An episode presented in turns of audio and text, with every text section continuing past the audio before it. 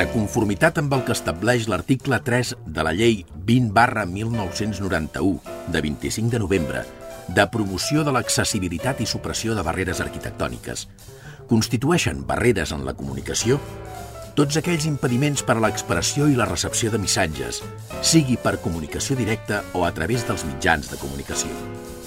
És per això que, emparant-nos en aquesta llei, volem que cada ciutadà gaudeixi del seu propi espai per moure's. Un espai sense censura. Un espai en què vosaltres sigueu els protagonistes. En definitiva, un espai per tothom. Benvinguts a Espai Vital.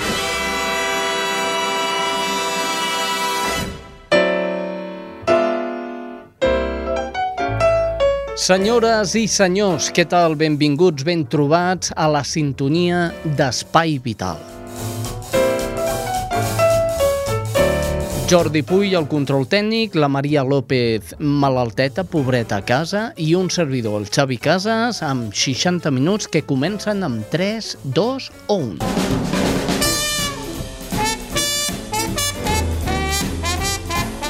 Estàs escoltant Espai Vital.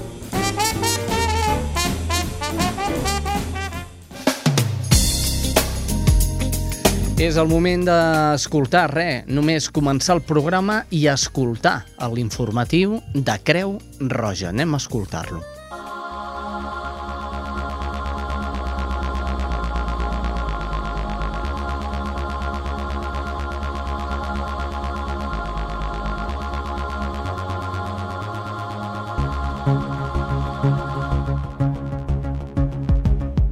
Això és l'informatiu de Creu Roja.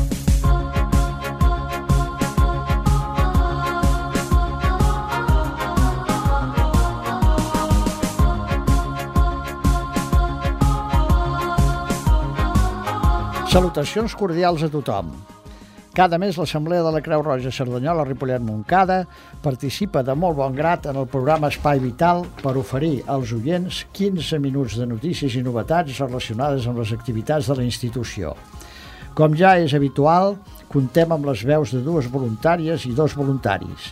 Imma Mata, Conxita Montoya, Joan Abat i jo mateix, Francesc Roset. Hola Imma, hola Conxita, hola Joan. Hola, hola. Hola. Tots vostès saben que el passat 8 de març es va commemorar el Dia Internacional de la Dona Treballadora. Per diversos motius, la Creu Roja s'afegeix cada any a aquesta commemoració. És per això que avui dedicarem bona part d'aquest programa a comentar les activitats que la Creu Roja realitza en pro de les dones més vulnerables del nostre entorn. Comencem l'informatiu. Dia de la Dona Treballadora. El 8 de març és actualment el Dia Internacional de la Dona. És habitual atribuir aquesta celebració a la data de l'incendi ocorregut el 1908 en una fàbrica tèxtil de Nova York, on haurien mort un centenar de treballadores que s'havien declarat en vaga i tancat dins la fàbrica. L'any 1975, any internacional de la dona, les Nacions Unides declaren el 8 de març Dia Internacional de la Dona. Actualment, l'objectiu de la celebració del Dia de la Dona respon a la lluita de les treballadores per tal d'obtenir millores laborals i socials. D'altra banda, el dret internacional humanitari té dins dels seus postulats aspectes que busquen protegir molt àmpliament a la dona en observança amb la particular vulnerabilitat a la que es troben generalment exposades, abans, durant i després dels conflictes armats de diversa índole. Más de 34.500 mujeres participaron en acciones para mejorar la empleabilidad, promovidas por el Plan de Empleo de la institución. Siguiendo con la conmemoración y la celebración del Día Internacional de la Mujer, la Creu Roja ha querido darle un papel importante a este género en la lucha contra la desigualdad laboral y social. Con motivo del 8 de marzo, Día Internacional de las Mujeres, Creu Roja Española incide en su compromiso con la igualdad y los derechos de las mujeres en todos los ámbitos de nuestra sociedad. La institución trabaja por la igualdad de oportunidades a través de distintas líneas de trabajo, apoyo a las políticas de igualdad, sensibilización sobre la importancia de que toda la sociedad se implique de manera corresponsable en esta tarea y la puesta en marcha de proyectos para apoyar a las mujeres más vulnerables, mujeres que sufren violencia de género, mujeres en situación de pobreza, mujeres inmigrantes, mujeres con responsabilidades familiares o personas dependientes a su cargo, etc. El acceso de la mujer al mercado de trabajo se ha caracterizado siempre por la desigualdad. El contexto socioeconómico actual viene a agravar esta situación. Entre otras cosas, tienen más difícil acceder a una contratación fija, establecer un negocio por cuenta propia o acceder a puestos de decisiones y oportunidades de promoción sin entrar en aspectos de conciliación familiar. Cafè amb pastes, un espai de trobada per dones. Creu Roja promou un espai de trobada i participació adreçat a dones nouvingudes en el qual s'ofereixen xerrades, tallers i activitats diverses amb la finalitat d'oferir suport, promoure la seva xarxa social i de relacions i facilitar la seva incorporació a la societat d'acollida. És el que s'anomena Cafè amb pastes. S'aborden temes de caràcter pràctic, serveis i recursos, salut, educació, orientació laboral i temes de reflexió i debat sobre la vivència migratòria de les dones, treballant sempre a partir de les necessitats detectades i de les propostes i inquietuds de les participants. S'utilitza una metodologia participativa i es treballa a partir de les necessitats i inquietuds del grup, per tal que les dones percebin l'espai de trobada com un espai propi. Les activitats es desenvolupen en un ambient distès i acompanyades d'un petit refrigeri. Es facilita al màxim la participació de les dones fent l'activitat dins de l'horari escolar dels infants. Es treballa en xarxa amb els serveis i altres entitats del municipi, especialment les que treballen amb dones. Serán bien recibidos todos los que quieran venir. Creu Roja engega la campanya Seguim caminant per la igualtat. Com cada any, a motiu del Dia Internacional de la Dona, que es va celebrar el passat 8 de març des de Creu Roja Joventut en col·laboració amb el Departament d'Intervenció Social de l'Oficina Central, es va posar en marxa la campanya Ni un pas enrere, seguim caminant per la igualtat. Es tracta d'una campanya de sensibilització que pretén conscienciar a la població per aconseguir la igualtat de la dona en tots els àmbits de la societat, laboral, familiar, etc., es van repartir pòsters a l'Assemblea Comarcal de Creu Roja a Cerdanyola, Ripollet, Moncada, al Casal de Joves de Cerdanyola i als centres cívics de Moncada, xàpats al Centre Cívic Can Cullàs i calendaris entre els treballadors de l'Assemblea Comarcal de Creu Roja a Cerdanyola, Ripollet, Moncada. La Cruz Roja participa en el programa Incorpora de la obra social de la Caixa. La Creu Roja, en su labor de ayuda constante a las personas más vulnerables, participa y colabora con la obra social La Caixa en un programa especial para todas aquellas mujeres con dificultades para acceder al mundo laboral, que se encuentren en situación o riesgo de exclusión social y afectadas por situaciones de violencia de género. Este programa tiene como objetivo facilitar la incorporación laboral a todo un colectivo vulnerable, potenciando de una manera directa la capacidad de inserción de las entidades sociales adheridas al programa y contribuir a la sensibilización y la búsqueda de oportunidades de las personas con dificultades de inserción sociolaboral. El programa está pensado para todo tipo de personas de distintas nacionalidades que estén en situación de vulnerabilidad. Aunque el programa ya lleva cerca de tres años realizándose, en la asamblea de la Creu Roja Sardañola Ripollet Moncada se empezó a gestionar a partir de enero de este año. Creu Roja manté el seu compromís per la reducció de la pràctica de l'ablació genital. L'ablació de clítoris o mutilació genital femenina consisteix en l'eliminació de teixit de qualsevol part dels genitals femenins, per raons culturals, religioses o qualsevol altra raó no mèdica. Aquesta pràctica ancestral, que han patit ja més de 130 milions de dones i nenes, principalment a l'Àfrica, té greus conseqüències ginecològiques, obstrètiques i psicològiques.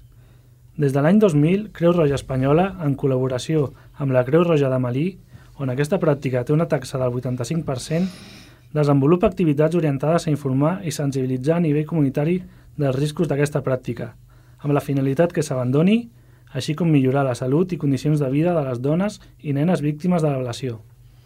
A Creu Roja segueix la campanya A l'hivern tampoc ens oblidem de tu. A l'Assemblea Comarcal de Creu Roja, a Cerdanyola, Ripollet, Moncada, continuem amb la campanya A l'hivern tampoc ens oblidem de tu, que s'allargarà fins Setmana Santa i que consisteix en recaptar roba d'hivern, bàsicament mantes, eh, jaquetes, mitjons i guants. L'objectiu d'aquesta campanya és ajudar almenys a un centenar de persones dels tres municipis que viuen en el llindar de la pobresa. Volem agrair a totes les persones que ja han participat de manera solidària a la campanya i animem a col·laborar fins a l'últim dia a tots els ciutadans i ciutadanes de Cerdanyola, Ripollet i Montcada. Feu ja la vostra donació fent-nos arribar la roba d'hivern a la Creu Roja a Cerdanyola, Ripollet, Moncada, a l'Avinguda de la Creu Roja 2529 a Cerdanyola del Vallès, de dilluns a divendres, de 9 a 12 i dimarts tot el dia. Els veïns de Montcada i Reixac qui vulguin col·laborar poden portar la roba al Cursal, al carrer Macia 39, de dilluns, els dilluns i dimecres de 16.30 a 18.30. Una altra campanya de Creu Roja. Anem per feina. Es un programa que se realiza todos los miércoles en Moncada para el asesoramiento y capacitación laboral. Este programa tiene como objetivo ayudar a la inserción laboral y de búsqueda de trabajo. Se lleva a cabo desde enero y cualquier persona interesada puede consultar personalmente en las oficinas de la Asamblea Comarcal de la Creu Roja a Cerdanyola, Ripollet, Moncada. Creu Roja continua amb les xerrades de coneixement de l'entorn. Us recordem que els ajuntaments de Cerdanyola i Ripollet, conjuntament amb la Creu Roja, organitzen unes xerrades informatives en el nom de Coneixement de l'entorn, amb la finalitat que les persones nouvingudes i especialment les persones estrangeres puguin disposar d'informació de la nova ciutat que els acull, com per exemple dels seus serveis, les seves comunicacions. Aquesta iniciativa pretén apropar la informació i facilitar l'arribada dels que acollim a la seva nova llar. A les xerrades es tractaran set temes repartits en cinc sessions de dues hores de durada els dijous a la tarda de 20 a 22 hores. El curs és gratuït i es lliurarà un certificat d'assistència de 10 hores molt útil per obtenir el certificat d'arrel. Per a més informació us podeu adreçar a l'Assemblea Comarcal de Creu Roja a Cerdanyola Ripollet Moncada, Avinguda Creu Roja 25 a Cerdanyola del Vallès. Com sempre, per acabar, volem, primer, agrair l'atenció dels oients esperant que el programa hagi estat del seu interès. Els esperem en properes edicions. Segon, agrair als socis i sòcies les seves aportacions desinteressades i als voluntaris i voluntàries la seva col·laboració també desinteressada. Sense els uns i els altres, la Creu Roja no podria actuar per aliviar o, si és possible, evitar el patiment de les persones més desafavorides. Tercer, amb la crisi econòmica i social que estem patint, les necessitats són moltes per molta gent. Festa soci, festa voluntari. Quart, si dins de les nostres possibilitats et podem ajudar, no ho dubtis, dirigeix-te a Creu Roja. Avinguda Creu Roja 2529 de Cerdanyola del Vallès. Telèfon 93 691 61 61 e-mail informació.cerdanyola arroba creurroja.org repeteixo informació cerdanyola arroba creurroja.org Adeu a tothom, fins la propera vegada.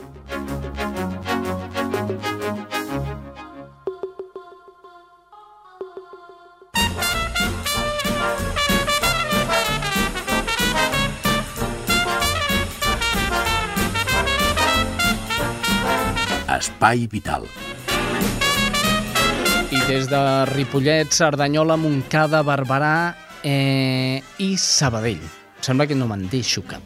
Anem a fer una roda informativa per conèixer quines són les notícies, les últimes notícies en quant a sanitat. Doncs som-hi. Comencem amb Cerdanyola. Allà es troba la Mònica González. Molt bon dia des de Cerdanyola Ràdio. La delegació local de l'Associació Parkinson a Catalunya celebrava en diumenge la setzena diada del Dia Mundial del Parkinson amb un ampli programa d'actuacions a la plaça de l'Abat Oliva que comptaven amb la col·laboració de la Casa d'Aragó, la Coral Rondalla, de l'Esplai La Caixa de Cerdanyola i la Casa d'Andalucía. Amb el lema Podem ajudar-te, pots ajudar-nos, l'entitat en volia fer visible aquesta malaltia neurodegenerativa que a Cerdanyola pateixen unes 200 persones, 18.000 a Catalunya i 100.000 a tot l'Estat afecta el sistema nerviós central, concretament a les estructures del cervell, encarregades del control i de la coordinació del moviment, així com del manteniment del to muscular i de la postura. Durant la jornada de diumenge, més de les actuacions, Parkinson Catalunya va instal·lar taules informatives a la plaça perquè, segons explicava el president de l'entitat, Josep Senra, és fonamental fer una tasca de divulgació, ja que no tots els malalts segueixen teràpies que ajuden a pal·liar els efectes del Parkinson. La malaltia no té a dia dia d'avui curació, però sí que existeixen tot un seguit de tractaments que milloren la qualitat de vida de la persona afectada. El president de la delegació local de Parkinson Catalunya explica que a l'entitat, que actualment compta amb més de 60 socis, es pot gaudir de tractament de fisioteràpia, psicologia i taller de memòria, entre d'altres. Però, segons Senra, per a les persones afectades també és molt important poder assistir a la seu de l'entitat, recordem a l'Avinguda de la Creu Roja, per sortir de casa i intercanviar experiències amb d'altres malalts. I això és eh, tot des de Cerdanyola Ràdio. Salutacions, Espai Vital. Gràcies, Mònica González. Des de Cerdanyola Ràdio ens anem cap a Ripollet. Si no estem errats, la persona que ens passa la crònica avui i com altres dies és la Reme Herrera. Salutacions des de Ripollet Ràdio. El Centre de Ioga Samsara de Ripollet va organitzar el passat dissabte 14 d'abril un taller solidari de coneixement personal. La finalitat d'aquest taller era destinar els diners recollits a l'equip N Amigos Activos, que participarà a la Trail Walker d'Intermón Oxfam. Aquesta iniciativa consisteix en que cada equip ha d'arribar als 1.500 euros pel finançament dels més de 400 programes de desenvolupament d'Intermón Oxfam. A més, els equips participaran en una marxa a peu de 100 quilòmetres que realitzaran el proper 5 de maig i que anirà d'Olotes a Sant Feliu de Guíxols en un màxim de 32 hores. Poden trobar més informació al web trailwalker.intermonoxfan.org.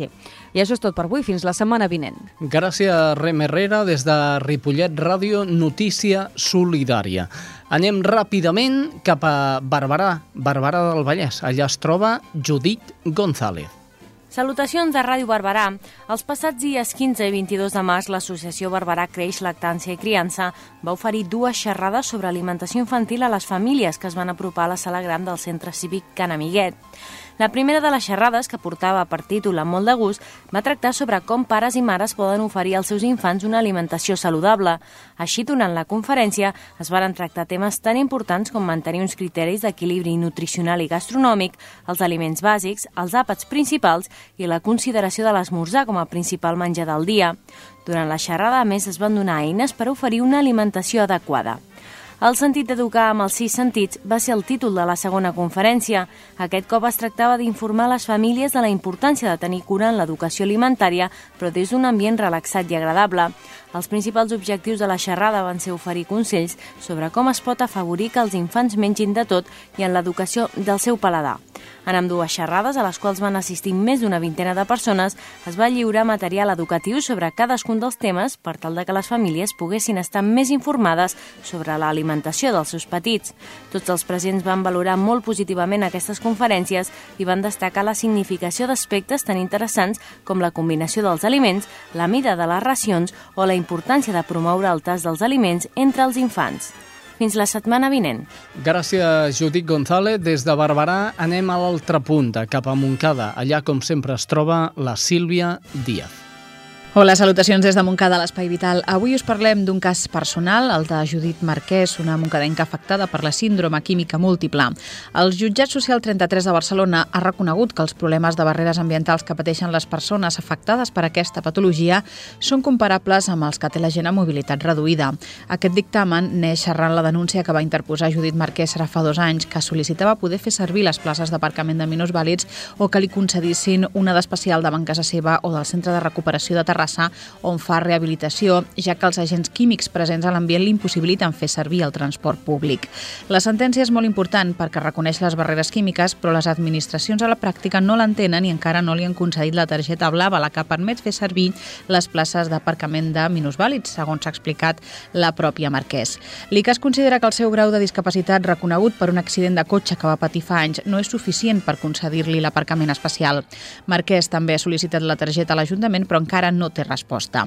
A la Judit de 37 anys se li va diagnosticar la malaltia ara en fase 7, una patologia que en els brots més forts la invalida i l'impedeix fer vida normal. Marquès, que ara fa un any va fundar Marrampinyo l'Escola del Benestar, ha de viure en un entorn amb un exhaustiu control ambiental, fet que provoca que bona part de l'any hagi de marxar fora de Montcada i Reixac. Doncs bé, això és tot. Fins la setmana vinent. Pendent de, de confirmar el síndrome de químic múltiple, perdó, la sensibilitat química múltiple, que no és el cas exactament d'aquesta senyora. Eh, un, cop, un cop Montcada ens anem també a l'altra punta. Anem a Santa Perpètua de la Moguda. Allà es troba la nostra amiga Estrella Núñez. Hola, salutacions des de Santa Perpètua de Moguda.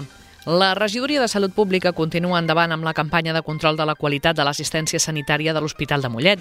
Per ara s'han recollit tres reclamacions que fan referència al temps i a les llistes d'espera. També s'ha presentat una queixa sobre l'Hospital Parc Taulí i diverses reclamacions dels CAP de Santa Perpètua, segons informa la regidoria de Salut Pública. El regidor, Francesc Rodríguez, comenta que no se sap si en línies generals el servei funciona de manera acceptable o si els usuaris no acostumen a fer reclamacions. Les queixes sobre la qualitat assistencial dels centres sanitaris es poden presentar a la regidoria de Salut Pública de l'Ajuntament de Santa Perpètua. L'objectiu d'aquesta campanya és fer el seguiment de les possibles incidències que es puguin produir i vetllar per la qualitat assistencial de l'hospital. El regidor de Salut Pública, Francesc Rodríguez, comenta que continua en marxa la campanya de control de la qualitat assistencial dels centres sanitaris referents per a Santa Perpètua, que es va encetar al mes de febrer, però que per ara no hi ha gaires reclamacions presentades. La regidoria ha recollit poques reclamacions sobre els serveis sanitaris de referència de Santa Perpètua. No obstant això, la campanya de control de la qualitat d'aquest servei continua en marxa i es demana als usuaris insatisfets que comuniquin la seva queixa a la regidoria de Salut Pública de l'Ajuntament de Santa Perpètua. Això és tot per ara. Fins la setmana vinent. Gràcies, Estrella Núñez. Des de Santa Perpètua anem corrents, corrents ja per últim a Sabadell. Allà es troba la Karen Madrid. Salutacions des de Sabadell. Avui us volem parlar del Parkinson, la malaltia neurològica degenerativa més present en persones majors de 55 anys. Es calcula que uns 450 sabadellencs pateixen aquesta dolència, una xifra que a Catalunya s'eleva fins les 18.000 persones i el conjunt de l'estat espanyol fins les 100.000. Més enllà d'aquestes xifres, el Parkinson cada cop afecta persones més joves. Un de cada cinc pacients té menys de 55 anys. Això obliga les entitats que ofereixen programes de suport i rehabilitació a canviar l'enfoc d'aquestes iniciatives, ja que en persones més joves la malaltia suposa un canvi radical en el seu sistema de vida. Des d'entitats com l'Associació Vallès Amics de la Neurologia, l'Avant, reclamen que les retallades no afectin aquest sector perquè tant l'assistència com la investigació, diuen, són imprescindibles per la qualitat de vida d'aquests pacients. És tot des de Sabadell. Has pensat mai en trepitjar la pista del circuit de Catalunya? Ara ho podràs fer, i per una bona causa. Mulla't i corre per l'esclerosi múltiple en una cursa solidària oberta a tothom. Aquest dia, tu hi poses la velocitat. El proper 29 d'abril, el Circuit de Catalunya t'obre les portes per córrer per l'esclerosi múltiple. Inscripcions a www.mitjaterrassa.cat o trucant al telèfon 902 11 30 24.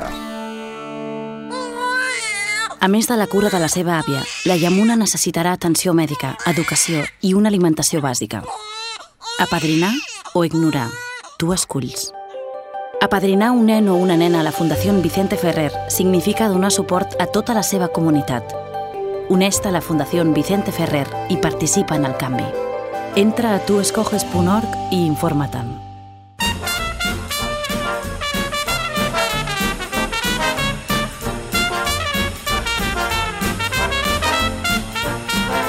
Espai Vital.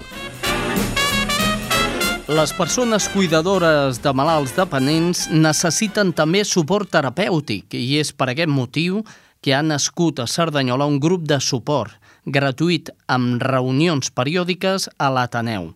Bartolomé Cervantes és el cap visible del grup i el Xavier Poza li ha realitzat aquesta entrevista. Senyor Cervantes, molt bon dia. Bon dia.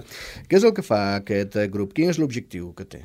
L'objectiu és apoyar-se mútuament entre nosaltres mateixos. No necessitem cap psicòleg ni necessitem ningú, encara que de moment vindran, però en principi els grups d'apoyo són grups autogestionats que el seu fi és apoyar-nos entre nosaltres de, psicològicament. Eh, són persones que tenen problemes, o tenim, jo també estic entre ells, tots tenim uns problemes eh, familiars normalment, la majoria són d'Alzheimer, n'hi ha uns altres que no són d'Alzheimer, n'hi ha persones que tenen esclerosis múltiple, n'hi ha persones que tenen esclerosis lateral amiotròfica, que és l'ELA, que és l'enfermetat que m'afecta no a mi, sinó a la meva dona, i el grup és això, és simplement apoyar-se uns amb els altres, explicant-se els problemes que tenim i entre tots doncs, doncs, mirar de trobar-li les solucions que creien convenients. Una mica suposo també que el fet de, de veure que no estàs sol i que les, les qüestions que pateixes tu eh, doncs, també la comparteix altres persones. Indudablement, això és primordial amb aquests grups d'apoyament, de, de recolzament.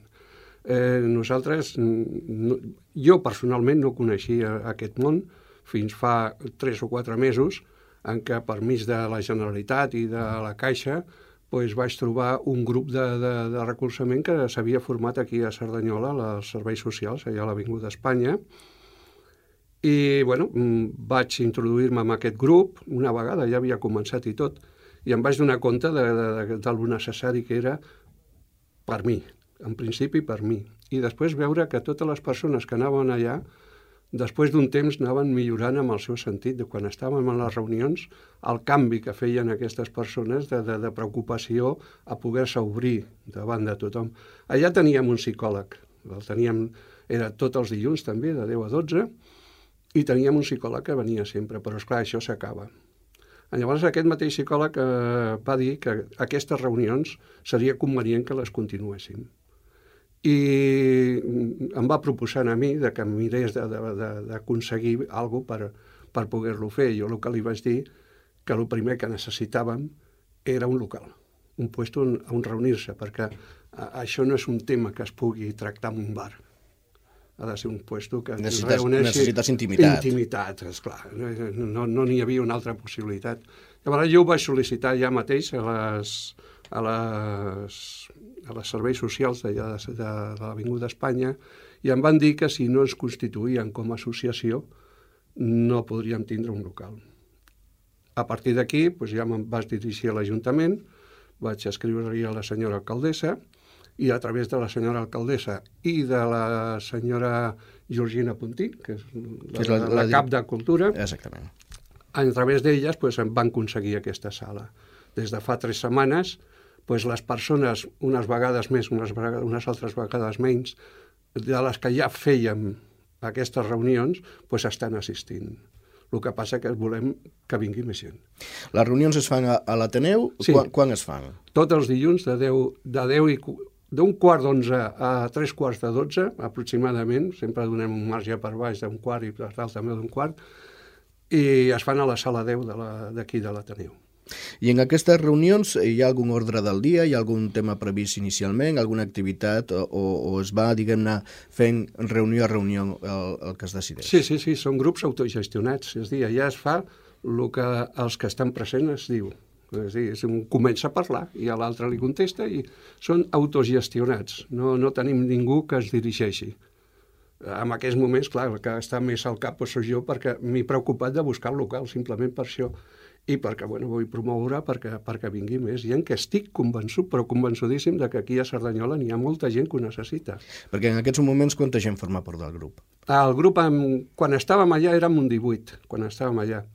Uh, ara, aproximadament, entre uns dies i uns altres, doncs bé, hem compensat a vindre 10, 12, però és clar, uh, són uns dies de molt de fred eh, i que es comença ara es comença ara. N'hi ha que no, encara no ho saben exactament de què s'ha fet. Jo he intentat trucar a tots els que em van deixar el seu telèfon i després també n'hi ha un altre problema, que és que quan estaven amb la Caixa o amb la Generalitat, a la persona que venia amb aquest curset se li facilitava una persona per cuidar durant aquelles hores, cuidar a la persona que nosaltres tenim com dependents. Esclar, això li facilitava molt, perquè ara, al no haver això, n'hi ha persones que no poden deixar el que està, que, que està cuidant. I és el problema que ens trobem, de que no, no tenim un, un recolzament perquè n'hi hagi una persona, jo n'hi ha un senyor que me'n recordaré sempre que quan van decidir fer això em va dir jo no podré vindre perquè si no tinc una persona que cuidi a la meva mare jo no la puc deixar sola per vindre al curset. Però bueno, jo crec que n'hi haurà persones que sí, que, que encara que així vindran i, que, i que és molt important de que vinguin per elles mateixes, perquè jo ho, ho he vist per mi. Mm, perquè mm, per, per apuntar-se, per formar part d'aquest grup, només cal venir els dilluns a la reunió. Com poden posar-se en contacte bueno, amb vostès? A, a nosaltres es poden... Jo estaré aquí, eh, en principi, tots els dilluns de 10 a 12 del matí. Aquí poden vindre sempre, d'aquí al mes de juny, perquè van quedar amb la senyora Georgina de que en principi faríem una prova, perquè jo no sé les persones que vindran, i per vindre jo aquí a la sala i estar jo sol aquí dues hores sense fer res, doncs tampoc. Jo penso que vindran, però mm, en principi simplement és això, o trucar-me a mi i dir-me, escolta, què puc fer? Jo he preparat una fitxa, simplement una fitxa per tindre el, per tindre coneixement del nom, de l'enfermetat que pateixen i per fer uns grups més o menys adaptats a, a l'enfermetat que té cadascú. No és el mateix una persona eh, que té un problema d'esclerosi de, múltiple que una persona que té Alzheimer. Són diferents enfermetats, encara que jo no sóc metge, diferencio una cosa de l'altra. O persones que estan en un punt en què saben que duraran poc, a persones que no, que el que tenen saben que durarà molts anys i que eh, necessitaran més recolzament, no? Llavors, eh, sí, el que estàvem dient és que aquestes persones, que sigui qui sigui, em pot trucar a mi, farem una fitxa i mm, l'únic que demanem doncs, que siguin puntuals, que, que si es comprometen a vindre, que vinguin, que no ens deixin penjats, perquè a vegades passa de que venen, es creuen que és una altra cosa i, i després pues, deixen de vindre. I a quin número de telèfon poden trucar? 93 692 86 98. És el meu, ja està aquí també. Eh, quan diu el senyor Cervantes ja està aquí, és, sí. una, és un cartell que ha preparat eh, que, perquè pensa divulgar tota aquesta informació a tots sí. els centres sanitaris de la ciutat, eh, suposo que també eh, casals d'avis de la població, els centres on, on pugui haver gent que estigui interessada, no? Correcte. Eh, nosaltres eh, ja hem estat parlant amb diferents persones que, dels serveis socials del cap de Serra Parera, es va obrir totalment, ens va dir que ella mateixa es preocuparia dels seus companys d'aquí de Cerdanyola, comunicar-los que es farà això, i que eh, precisament ahir em va trucar que farem una reunió un dia d'aquests entre tots per mirar de difundir aquesta, aquesta proposta. També vaig parlar amb la doctora Caballero, que és la traumatòloga que porta la meva dona al Parc de Taulí, em va dir que la idea era extraordinària i que tindríem tot el recolzament d'ella i de tot el seu equip de rehabilitació que tenen allà. Eh, jo perteneixo també a una societat, que és la Joaquim Baix, que és la de la Catalunya, que és l'enfermetat que pateix la meva dona, i també em van dir que tot el que necessiti, eh, ells tenen psicòlegs, podrien vindre psicòlegs, la doctora Caballero del Parc Taulí em va dir que per part d'ella aquí tindríem sempre que necessitéssim un fisioterapeuta per poder ensenyar-se, perquè no és només el problema de, de, de com, com parlar amb aquesta persona que tu tens que cuidar, sinó que també aquestes persones normalment necessiten ajuda física. I nosaltres no sabem manegar amb una persona. Almenys jo no en sé de manegar una persona. I necessito que algú em digui, pues mira, quan l'agafis, perquè no li facis mal amb ella i no et facis mal tu. Necessites fer aquest moviment, fer-la així, agafar-la d'una manera o d'una altra. I per això tindrem aquestes, aquestes persones que són fisioterapeutes que s'ensenyaran. De moment depèn sempre de, de, de la quantitat de persones que vinguin. Esclar, jo per dues persones no faré vindre un fisioterapeuta, però si això es, es porta a terme i, i som la suficient gent, doncs tot això està compromès ja de que vindran i les assistentes socials tant de, dels CAPs d'aquí de Cerdanyola que ens han dit que per, per, per part d'ells també tindrem tot el recolzament necessari. Eh, perquè també una de les qüestions importants en relació a les uh, famílies uh, sí. en persones amb dependència és tota la qüestió que fa referència a la llei i a les ajudes que es puguin obtenir. Sí. En aquest sentit també el, el grup pot doncs, intentar donar assessorament o orientar en sí, aquest sentit? Sí, eh, bueno, això és, ja és més complicat perquè no és complicat. El, el d'això està en que la persona que vingui ja té que ser dependent, té que eh, tindre una persona dependent. Eh, si en un moment donat pues, s'arribés a poder fer-lo, pues, també es podria fer. No ho havia pensat, sincerament, no ho havia pensat, però bueno, també es podria fer. L'únic ara està dedicat única i exclusivament a les persones que tenim una dependent, que depèn de nosaltres. Aquestes persones normalment ja han fet tots els passos de la llei de la dependència i de totes les ajudes que es puguin donar, tant si és de la Generalitat, de l'Estat, de, inclús de les associacions. N'hi ha associacions, fins ara n'hi ha una associació molt important d'Alzheimer a Sant Cugat, I n'hi ha molta gent de Cerdanyola hi va allà, a l'associació d'Alzheimer de Sant Cugat, per fer el mateix que ara farem aquí. Suposo que alguns d'aquests vindran també aquí. L'única diferència és que allà pues, n'hi ha una quota que pagar i aquí en principi no farem, no en principi, si es té que pagar jo ja no vindré. És dir, si es fa és per, perquè es té que fer, però no perquè es tingui que fer una quota ni, ni cobrar res. Llavors, el, el fet de, de, de que a una persona que no, no coneixi el sistema de, de, de, de buscar la llei de la dependència, que avui per avui saps que no no n'hi ha. Que la cosa està molt malament. No, no, sí. que no n'hi ha. És a dir, a partir del 1 de gener la llei de dependència no es pot demanar. Però bueno, si es pogués obrir una altra vegada, o les altres ajudes que puguin haver, pues sí que podríem mirar de trobar una persona de, de, de, de d'aquí de serveis socials pues, que ens pogués orientar i pogués dir, pues, mira, pues, aneu amb aquesta persona o aquesta persona vindrà i us explicarà el que podeu fer. Però en principi no, no estic preparat ni estem preparats per això. Perquè una cosa que comentava vostè, senyor Cervantes, fa un momentet, Eh, aquestes reunions són bones, aquests grups són bons eh, per tothom, eh, per les eh, persones cuidadores, sí. per les famílies, sí. eh, perquè mm, bueno, poden intercanviar coneixements, eh, es pot eh, doncs, millorar eh, la situació personal, però també pel propi malalt, perquè també al final acaba, acaba sí, clar, recaient en millora pel malalt. La, la millora és per malalt.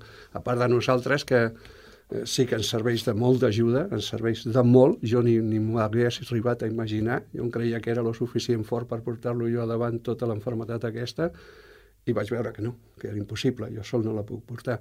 I llavors sí que m'he trobat amb persones pues, que m'ajuden a mi i que em parlen i em diuen pues mira, no t'ho prenguis així, fes això, fes ho altre, busca unes altres alternatives.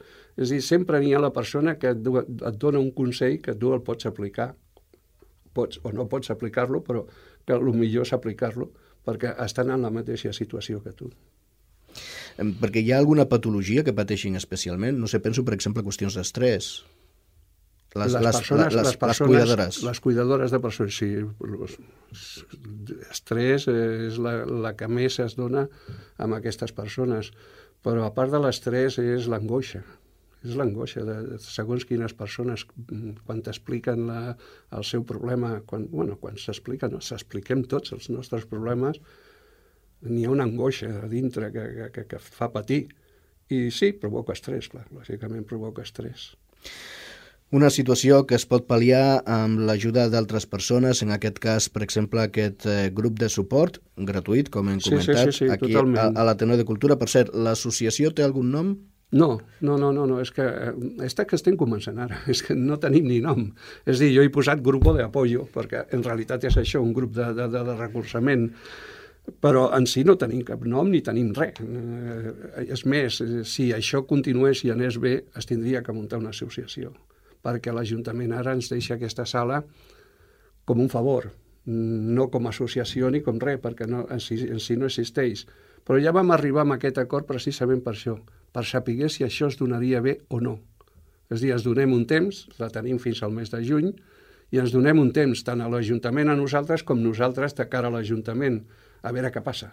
Si, si responen, perfecte, i si no, pues, no podríem fer res. En aquest cas el nom no fa la cosa, l'important és el que és el fet, sí, és el fet. És el fet, és el fet. En aquestes reunions, eh, tots els dilluns a l'Ateneu, de 10 a 12 del matí, i recordem el telèfon del senyor Cervantes, el 93 692 86 98, repeteixo, 93 692 86 98, per posar-se en contacte tota aquella persona que estigui interessada, que conegui algú que pugui estar-ne interessat, famílies, persones cuidadores de malalts dependents que necessiten doncs, aquest suport i que aquí poden trobar aquest aixopluc i una ajuda que sempre serà doncs, eh, bona, positiva, tant per la família, per la persona, com per, per, per malalt. nosaltres, per tots, per tots que tenim que cuidar una persona que està en una situació pues, normalment greu. Senyor Cervantes, Bartolomé Cervantes, moltes gràcies i moltíssima sort amb aquesta iniciativa. Molt agraït a vosaltres per poder-me donar l'oportunitat d'obrir-me al poble i que, i que el poble sàpiga que nosaltres estem per ells. Per això estem. Això és Espai Vital.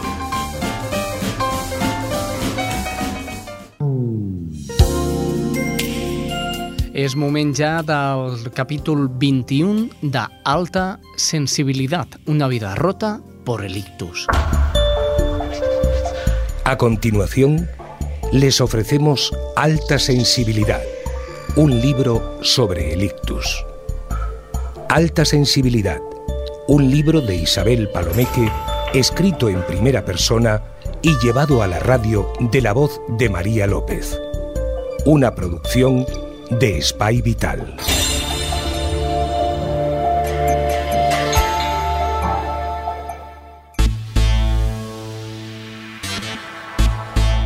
De las muchas secuelas del ictus, la peor de todas es la afasia. La incapacidad para comunicarme ha sido desde el principio una de las peores torturas que pudiera vivir. En todos estos años he tenido que aprender a hablar otra vez, pero no como los niños que no tienen el menor asomo de bagaje lingüístico. En mi cabeza estaban todas las palabras, pero no el vínculo lógico para usarlas o sencillamente para pronunciarlas innumerables sesiones de logopedia me han servido para avanzar desde los balbuceos iniciales hasta mi estado actual. Ahora puedo mantener una conversación sin problemas, aunque todavía me hace falta la complicidad de mi interlocutor para ir comprendiendo y atando las frases de mi discurso. El hecho de no poder leer también supuso un choque bastante duro en los inicios. Reconocía la forma y la grafía de las palabras, pero me sentía totalmente incapaz de descifrar su significado. La lectura es hoy día algo que aún se me resiste, pese a que con el paso del tiempo he conseguido resolver y comprender el sentido de frases cortas con mensajes sencillos. Junto con la lectura y la conversación, desaparecieron también los idiomas que había aprendido, dejando solo espacio para la lengua materna y a duras penas. Al fin y al cabo, es lo que peor llevo de todo el proceso. Constatar cómo mi capacidad intelectual se puede ver comprometida por no comunicarme en un estándar de normalidad. Los rudimentos del lenguaje fueron una de las primeras víctimas del ictus y el único paliativo es la logopedia. Sesiones interminables para ejercitar de nuevo mi cerebro en el uso de la palabra. Bien es cierto que, como con la recuperación del cuerpo, también aparecieron soluciones alternativas que, esperanzados, acogimos como si fueran un milagro. Una de estas fue el método Perfetti, recomendado por mi amiga Vanessa, que debía servir para dar un empujón a las extremidades más afectadas gracias a las directrices de mi mente.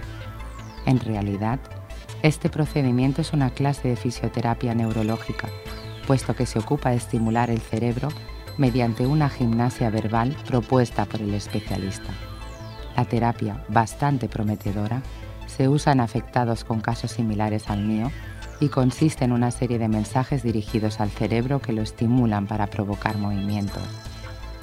Es bastante complicado, pero el resumen es que el terapeuta no te pide que te muevas, sino que disciernas qué reacciones previstas al movimiento se producen en el cuerpo. Así, el paciente va uniendo los eslabones de la cadena que le pueden llevar hasta su objetivo. Como se puede ver, analicé, estudié e hice míos cada uno de los principios de este sistema, pero todos mis esfuerzos no sirvieron para nada. Otro camino fallido. Todo este periodo de terapia en terapia lo nombro para mí misma como la etapa de la desorientación. Por una parte, los médicos nos hacían ir de un lado a otro con pruebas, con experimentos y con soluciones de escasa o nula eficacia. Por otra, mis padres y yo perseguíamos cualquier terapia alternativa que nos llevara a dar un paso más allá. Las consultas aquí y allí nos hacían bailar como una peonza sobre el mismo punto de partida y cayendo finalmente derrotados. Pero cuando lo has probado todo, una de las consecuencias es que te conviertes en todo un experto de tu propio mal. Ahora estaba convencida de que mi estado solo progresaría con la asistencia individualizada de expertos en fisioterapia y logopedia, así como lo tuve bien claro en el caso de mi cuerpo. Todavía me resistía a pensar que mi cerebro no se pudiera estimular de una manera más directa y efectiva. He pasado meses frente al ordenador, buscando en la red toda clase de estudios e investigaciones que trataran sobre la recuperación neuronal. Durante bastante tiempo me convencí que la respuesta estaba en las terapias con células madre, presumiblemente capaces de recuperar la necrosis de mis neuronas. Como en otras ocasiones, me lancé con una fe loca a la búsqueda de aquel grial que me permitiría borrar de un golpe la fascia de mi cerebro. Sin embargo, todas aquellas horas invertidas cayeron en manos de embaucadores fanfarrones que presumían de hallazgos inexistentes o bien en manos de reconocidos científicos que no osaban ir más allá de la teoría. ¿De qué me servían a mí las hipótesis? Aquello que en el futuro sería posible era un discurso vacío para mí. Necesitaba ahora mismo cualquier propuesta, aunque fuera experimental, para poner en marcha mi mente necrótica. El ictus había acabado con un buen puñado de mis neuronas y había dejado malogradas unas cuantas más. Si mi musculatura no era estimulada, podía ser presa fácil de la atrofia, y en este sentido veía mi pobre cerebro camino de la atrofia por carencia de la terapia adecuada. Esta era una pesadilla recurrente. ¿Cómo recuperar las neuronas afectadas? No encontraba ninguna respuesta que no apuntara décadas más allá. La ciencia estaba bien lejos de poderme ayudar. Poco a poco empecé a aceptar lo que nunca había aceptado. Mis neuronas no se recuperarían ni se regenerarían. No me ha tocado vivir el tiempo en el que esto será una realidad posible. Y hasta aquí, Alta Sensibilidad, un libro sobre el ictus. Alta Sensibilidad, un libro de Isabel Palomeque, escrito en primera persona y llevado a la radio de la voz de María López. Una producción de Spy Vital. Alta Sensibilidad, un libro de plataforma editorial. Ara és l'hora de la cuina, la cuina adaptada que, com sempre, ens porta Conxita Naudi. Hola, Xavi. Mira, aquesta setmana et porto una sopa de rap a la catalana.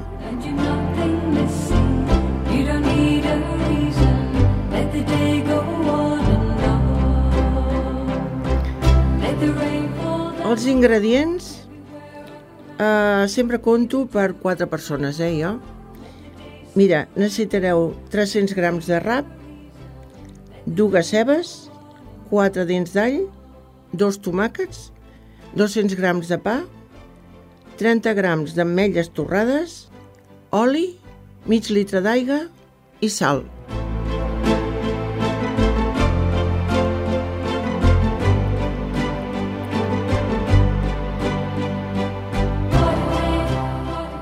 La preparació, en primer lloc, heu d'agafar una cassola i posarem oli. Quan estigui calent, hi posarem les cebes i els alls, tot tallat molt fi. Una vegada veieu que està cuit, que no es torri, i tireu el tomàquet, que sigui ratllat. I quan el sofregit veieu que ja comença a estar fet, hi posarem els talls de rap perquè vagin agafant color. Al mateix temps haurem tallat el pa a llesquetes, ben fines, i també les posarem a la cassola perquè vagi agafant gust. Aleshores, quan tot això estigui a la cassola és el moment de tirar-hi l'aigua i amb la sal que convingui, eh? I deixem que bulli uns 10 minuts. A part, en un, morter hi fem una, una picada d'ametlles i els dos grans d'all que ens hagin quedat i ho tirarem a dins la cassola. Això ha de fer una mica de xup-xup i de seguida veureu que està fet. I ja ho podeu servir, ben calentó. Mira, per viure bé, intenta practicar-ho. O sigui que espero que us hagi agradat. Fins la setmana vinent. Doncs molt bé, fins aquí arribem. El Jordi Puy, el control tècnic i un servidor, el Xavi Casas, davant del micròfon. La setmana que ve hi tornem. Adéu-siau.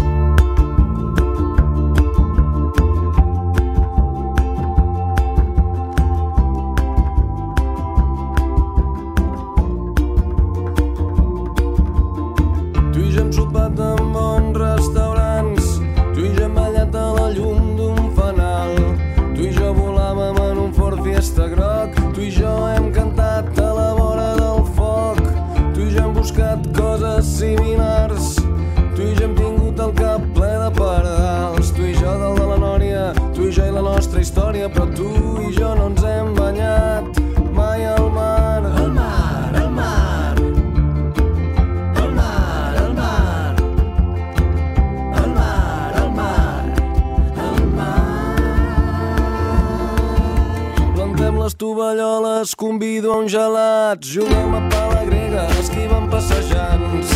A l'horitzó es divisen les veles d'uns nens que fan optimist. A la cala del costat dormo una estona que bufa de mar. Així estirada se't veu espectacular. Llarga i blanqueta a la sorra llegint intrigues vaticanes. De final inesperat és abusiva, tanta calor. T'incorpores i et poses bé el banyador. Amb un peu calcules com està l'aigua i tot està llest per tal que